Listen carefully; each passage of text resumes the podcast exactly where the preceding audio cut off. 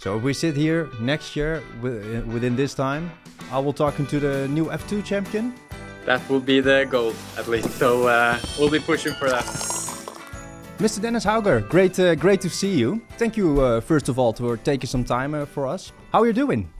All good. Uh, back in uh, Norway now, having a bit of a break uh, for Christmas with the family and friends. Good to be back in the snow. A bit different from Abu Dhabi, where I were driving a few weeks back. But no, it's fun to be back home a bit.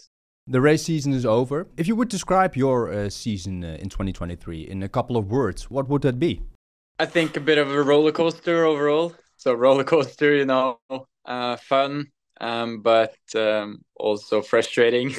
I think overall, I mean, we've had some up and downs, a few wins, uh, but obviously not the way I wanted the season to end. You know, I wish we could be up more in the championship and and fight for that title. And I think in the beginning of the season, we we really had the pace to you know advance up there. Um, but it was a bit of you know the first race we had technical issues, lost some points, um, and then got crashed out in Australia. And there were a few of those moments which um, set us a bit on the back foot, I think. But otherwise, I mean, there's stuff we can be proud of and, and bring into the next season, of course. The season is over. Uh, for you as a racer, I always uh, ask myself, a winter break, is it something you enjoy or uh, do you always want to keep racing as a driver? I mean, sometimes uh, a small break is nice when we have these sort of intense weeks where with back to back weekends, traveling a lot for a month or two um, for sure it's a good to have a bit of a breather and just settle down a bit. But yeah, I mean, still, we're, when we're not uh, having a race week, we're trying to figure other stuff to to do. Uh, if it's ice driving in the winter in Norway, or uh, you know, just doing simulator and, and working with the team on, on other stuff. It's always bits to to work on, but um, I think it's good to have a bit of a break sometimes. But it doesn't really take long before you want to get back in it. Yeah, the season uh, will start very soon, uh, a couple of months. But looking back uh, at the 2023 season, uh, which race or action stand out for you? What will you remember in a couple of years if you look back to 2023? I think as the the first race uh, in Australia for F2 was was there this year. Uh, it was really cool cool to win that first race and and be the first one in Formula 2 to to win in that country. So that was really enjoyable and, and a cool track which I've uh, looked at for for the F1 races since I was a kid. So it was a really enjoyable moment for for me and the team to get that first victory of, victory of the year. A moment to always remember, of course. That track, uh, for me, uh, I, I play it on the game, but is it exactly the same? Is it just as what you saw on television? There were a few bits that changed actually that year. So um, some corners were a bit different. They have taken out the, the chicane in the middle sector. So there was a DRS section there suddenly. Um, and a few bits other changed from curbs and stuff. So it was obviously a bit different, but you know, in terms of the the excitement and the the hype around the weekend in terms of the people and the place, it was um, just as I imagined. So it was really cool to be there. A long travel, but uh, yeah, it was a really cool weekend overall. Would you describe that weekend as your highlight of the season? Nah, I don't know because I got crashed out in the race after. I think it could have been the best weekend of the of the year. I think when I was fighting for a podium in the second race as well, could have been two podiums up that weekend, um, but got crashed out. So that was a highlight. But again, a bit of a roller coaster, ending it with a crash. So I'm not sure if I have a favorite weekend of of this year, but um, for sure it's been a few good moments, but I think as I said earlier, it's been a roller coaster and some weekends have just been good and bad and some weekends have just been bad. So, you know, that's uh, that's something to bring into the next season, trying to have that stability. Talking about stability, uh, what are the, one of those weekends in 2023 you absolutely want to forget? Do you think, well, you know, I don't want to look back on that anymore? I don't know. It's hard to say. To be fair, I think generally, I think some of the qualifyings we've had this year hasn't been optimal, and it's been a real struggle uh, at times. Uh, in the races, I think we'll always sort of come back.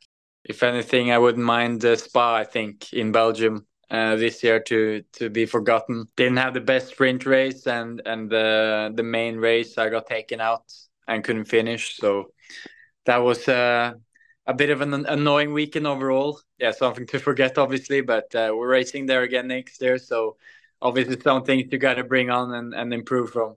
And it could also be a motivation to do it better next year, right? Yeah, of course. I mean, um, all these ups and downs. Um, I mean, um, it's just a it's a learning curve overall. No matter the experience you have, I think there's always stuff to learn. So um, for me, it's uh, it's a thing to bring into the next year and uh, always try to improve on. You talked about uh, stability uh, a couple of sentences ago. Is that the biggest uh, um, lesson you take from 2023 uh, for your third season in F2? Overall, I think for sure to to be fighting for that championship title, you need to be always up there, fighting for the points, fighting for the big points, but just know when to, to settle a bit uh, for one weekend and, and you know when you have the chance to get those points out this year has learned me a lot about you know the beginning of the year and, and what we can really bring home in terms of points to get a good start to the season i think that's going to be an, an important part for next year to just you know start the season on the right foot and and really be up there straight away 2024 will be your second season at MPM Motorsport. Can you point out um, what you've learned in the first year about the team and, and, and, and how will you progress in this uh, in 2024? Yeah, to be fair, uh, the the rela- the relationship with the team has been really good. Obviously, going into a new era with the F2 cars as well, there will be some new changes. Obviously, as the as the car is changing next next year. So um, going into the team where I feel comfortable and we can work well together, I think is a is a strength we have together uh, going into the next season. So yeah, it's a it's a good uh, thing to have had so far. I think with ups and downs, and I mean it's in these moments you learn the most about each other. So I think you know generally just throughout the year we've come together more and more and, and built up a really good. Uh, trust. So um, I think that's just going to be a strength for next year. And you talked about the differences in the car next year. Um, have you already tried in the simulator uh, the, the, new car, and how does it feel? Um, no, we haven't. You know, it's it's hard to uh, it's hard to simulate. You know, for F1 maybe it's possible with the budget they have, but you know, for for Formula Two, it's it's a bit different, and we haven't actually gotten to try the cars yet. Uh, I think we'll have the first test 23rd, 24th of January, where it's just like a, a shootout for just uh, one day to test the cars and see sort of data and everything to to simulate that. But you know, some stuff on the cars of what I've seen looks different, especially the the aerodynamics. And then there's some similarities from this year's car, so it's obviously taking a leap forward. Um, but some things will probably stay similar in terms of the technical stuff. And then some people uh, some things will sort of improve. So it, we will just have to wait and see how it is and uh, how it feels. But yeah it's going to be interesting to see. I saw that you uh, got to the podium in macau i thought you heard it a week before the race started uh, that you were uh, uh, racing. Can you explain to me how that all happened?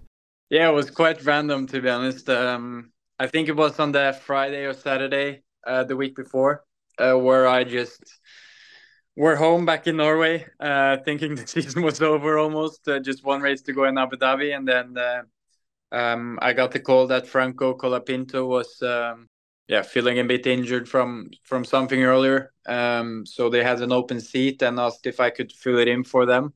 And I think it was like eleven o'clock in the in the night uh, where I got the confirmation. So four in the morning already. Next morning, I flew to Amsterdam to do some uh, simulator work for a couple of hours only before I flew to China to to do the race weekend. So it was really minimal amount of uh, preparations. I haven't driven the car in two three two years, and uh, you know it's always a bit different. So um, yeah, going into a track like Macau was just crazy. Um, my first time there, but yeah, I mean it was so enjoyable. The track is awesome, and the F3 car I really enjoy and to be honest it was it was good to just get back in a car or you know sort of a series where i felt comfortable from earlier and could really show my potential straight away even though i didn't know the track so it was uh it was a cool moment to to come in so unprepared and just uh, yeah do the job we did in the end with uh, um, a little uh, preparation time you still got the second place so is that something that you think about uh, next year? You want to be at Macau also and try to get the win? I don't know. You know, this year wasn't really planned.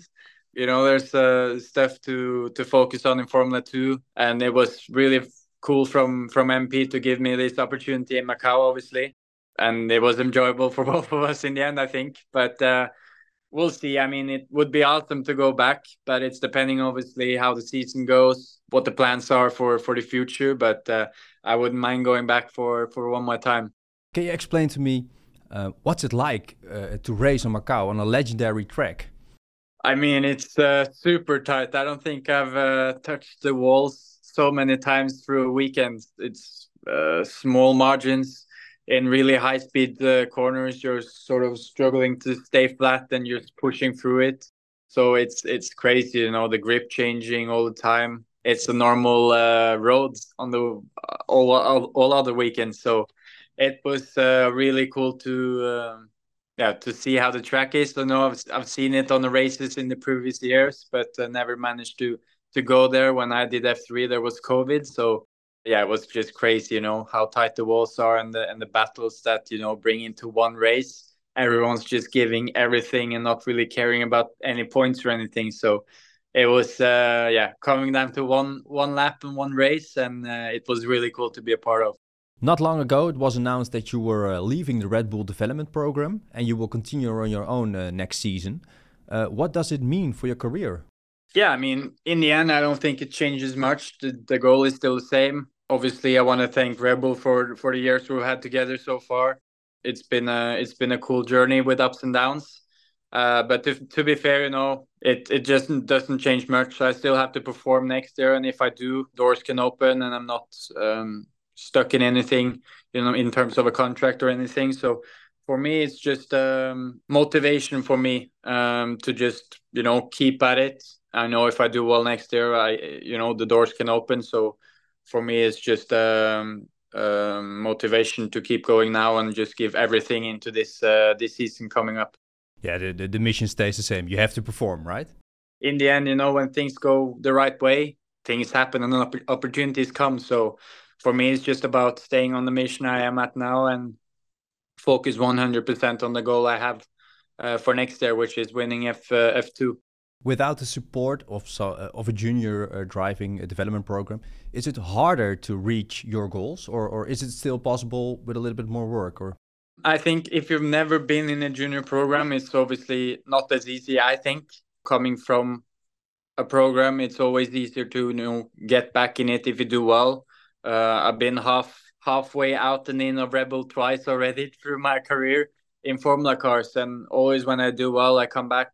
I'm not gonna say that's that's what uh, gonna happen, obviously, um, but you know the door comes open to not just Red Bull but other stuff as well. And if you do well, you know their opportunity the opportunity is there at least. So I've done my part if I manage to do it, and that's all I can do. So I will just give hundred percent to to manage that. If we then um, look up on uh, 2024 uh, for a little bit. This couple of months, what are your plans? Are you gonna ice karting or something in your uh, in your holidays? Uh, it's gonna be a good Christmas now, a bit of a you know break uh, with family and friends, but um, you know already in the beginning of January, January we're starting the preparations. You know, getting back with the team, simulator, all the prep work. So it's not going to be the longest break, I think, but uh, it's going to be good to get maybe up on the mountains in the snow, ice driving with a car or uh, or a kart, and uh, yeah, just um, disconnect a bit, but still, you know, have fun with it. So um, yeah, it's going to be good to have a break, but it's going to be even better to come back. Sounds uh, sounds very good. Finally, if you uh, were able to give the season a grade from one till ten, uh, what would it be? Probably five, six. I mean it's uh, not been what I, I wanted, obviously. Even though if it was at the max, it would still be eight nine because you can always do stuff better throughout the season. You know, no season is is perfect, so there's definitely stuff to to improve, and hopefully we can, uh, yeah, get that number up a bit for for next year. So if we sit here next year within this time, I will talk into the new F2 champion. That will be the goal, at least. So uh, we'll be pushing for that.